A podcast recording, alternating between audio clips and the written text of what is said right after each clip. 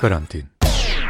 Radio Karantin ovih dana traži odgovor na pitanje kakve su i kakve će tek biti ekonomske posljedice pandemije COVID-19. Danas je u našem fokusu Bosna i Hercegovina. Eksperti iz BiH kažu da do preciznih podataka o posljedicama pandemije nije lako doći. Prema istraživanju o približavanju BiH članstvu u Europskoj uniji objavljenom na početku krize, pandemija je pogodila 90% mikro i malih preduzeća u metalnom, drvnom, tekstilnom i poljoprivrednom sektoru, dok su neke usluge poput turizma, transporta i ugostiteljstva suočene sa najozbiljnijim smanjenjem poslovanja i zapošljavanja. Istovremeno prilivi stranih investicija u zemlju gotovo su prestali tokom pandemije.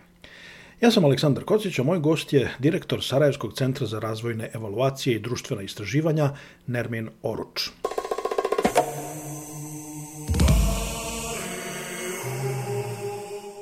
Šta se zna o ekonomskim posljedicama pandemije eh, u Bosni i Hercegovini do sada?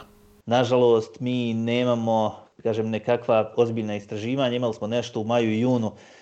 UNDP je provodio ta istraživanja. To je bio, da kažem, mjerenje ovog efekata nakon prvog vala. Međutim, evo i ovi pokazatelji do augusta govore o tome da je nakon prvog vala, nakon onog očekivanja, optimizma u ljeto gdje je došlo do malo ovaj, popravka situacije, otprilike se trend ponovo mijenja, dakle ovaj, imamo negativne efekte.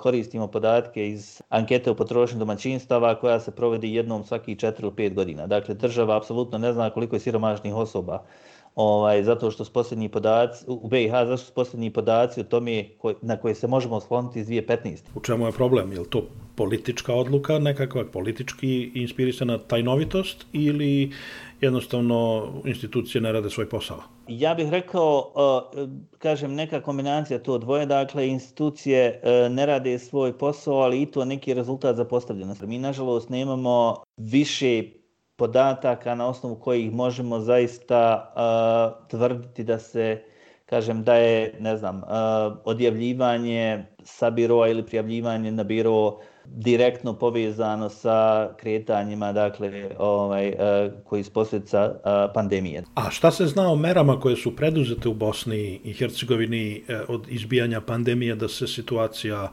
ljudima olakša? Trenutno su u proceduri ono što se zove um, Korona 2 zakon, mjere koje se trenutno provode, dakle da se pokušaju ublažiti mjere ovog a, drugog vala. Najčešće su to uh, kažem, određeni e, grantovi subvencije koje se direktno daju u specifičnim sektorima poput turizma, e, određena, kažem, socijalna davanja za pogođene kategorije i tako dalje, međutim, kažem, nekih e, suštinskih mjera koje bi zaista mogle, kažem, uticati na to da se stvari poprave. Dakle, nekako, kažem, e, sve je svedeno na to da se odvoji određeni iznos iz budžeta i podijeli okolnosti su vrlo često sumnjive i oni koji su, kažem, predstavnici tih sektora su, kažemo, nekim običajnim redovnim jel, ovaj, diskusijama preko medija sa predstavnicima ministarstva, ne slažu se i tako dalje. Dakle,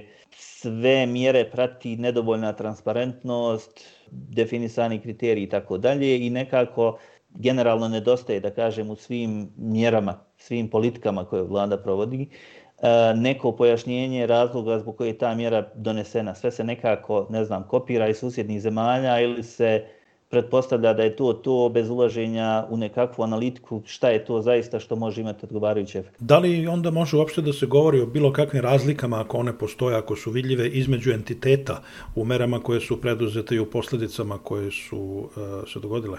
Generalno, uh, kažem, efektivnost implementacije određenih mjera uh, u najvećem broju slučajeva se donekle razlikuje uh, zbog toga što imamo način organizacije, odnosno politički sistem koji su prilično, da kažem, uh, uh, različiti između dva entiteta.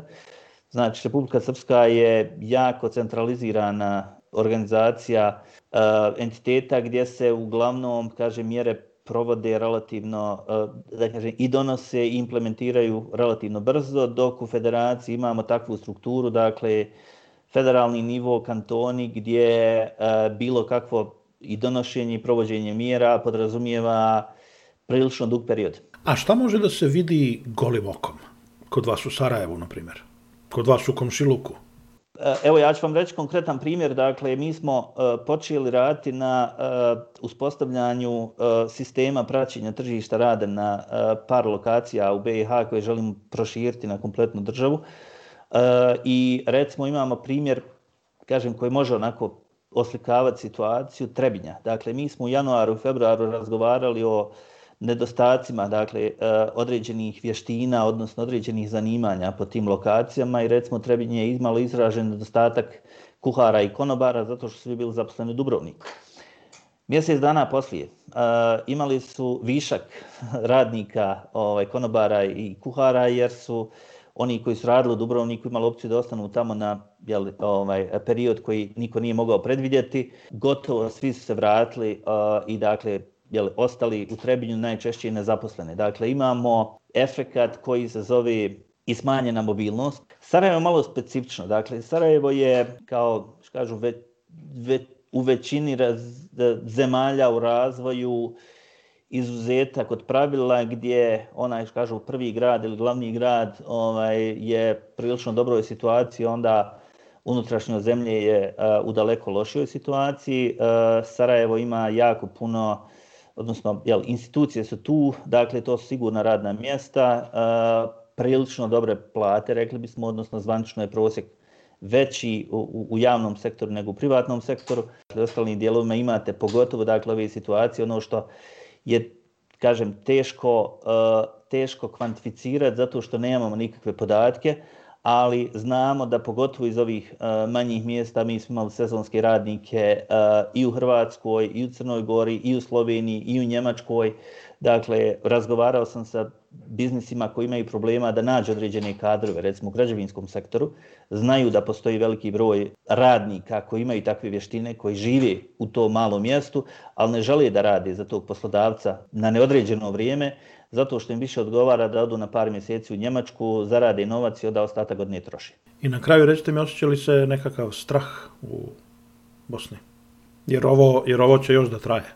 Pa nažalost nas uh, hrani strahom uh, već zadnjih prilike 30 godina, tako da uh, da kažem nije ovo možda za Bosnu toliko neobično, nažalost, kao, kažemo, normalnije možda nego, nego u nekim drugim ovaj, državama, nažalost. Mislim da, e, kažem, e, ono što se recimo osjetilo, onaj, što je možda i doprinjelo ovom drugom e, talasu, jeste da su ljudi relativno brzo, dakle, nakon onog perioda mart-april, kad je bilo zatvaranje, lockdown, parilično se brzo relaksirali, očekivali da neće više takve situacije biti, onda se to nekako ponovilo, dakle, ovaj, imamo daleko veći broj stvari slučajeva recimo sad u jesen nego što smo imali u onoj, onom prvom uh, talasu u, u, u martu i aprilu. Kažem, jednostavno smo živjeli u okruženju gdje kažem, taj neki nivo uh, blagostanja nije bio takav da smo opušteni pa da nas ovo šokira.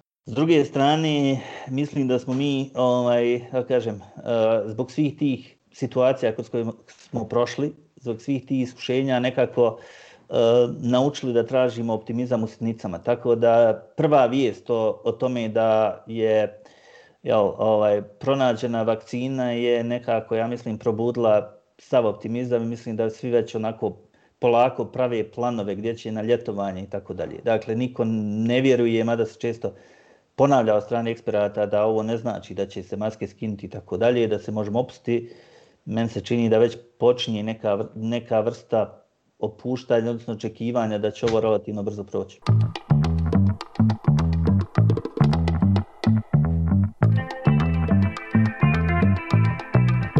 Radio karantin. I kad ste već ovde, mi bi da vas zamolimo za pomoć. Pomozite nas novčano. Svaka vaša donacija puno nam znači da pokrijemo troškove nabavke, neophodne tehnike, postavljanja podcasta, održavanja sajta i promocije. I najmanja vaša pomoć znači nam puno.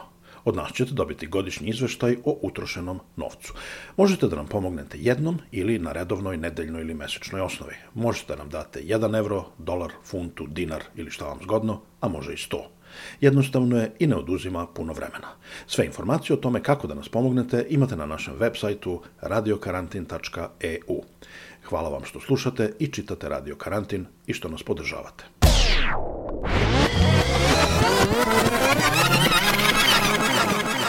Radio Karantin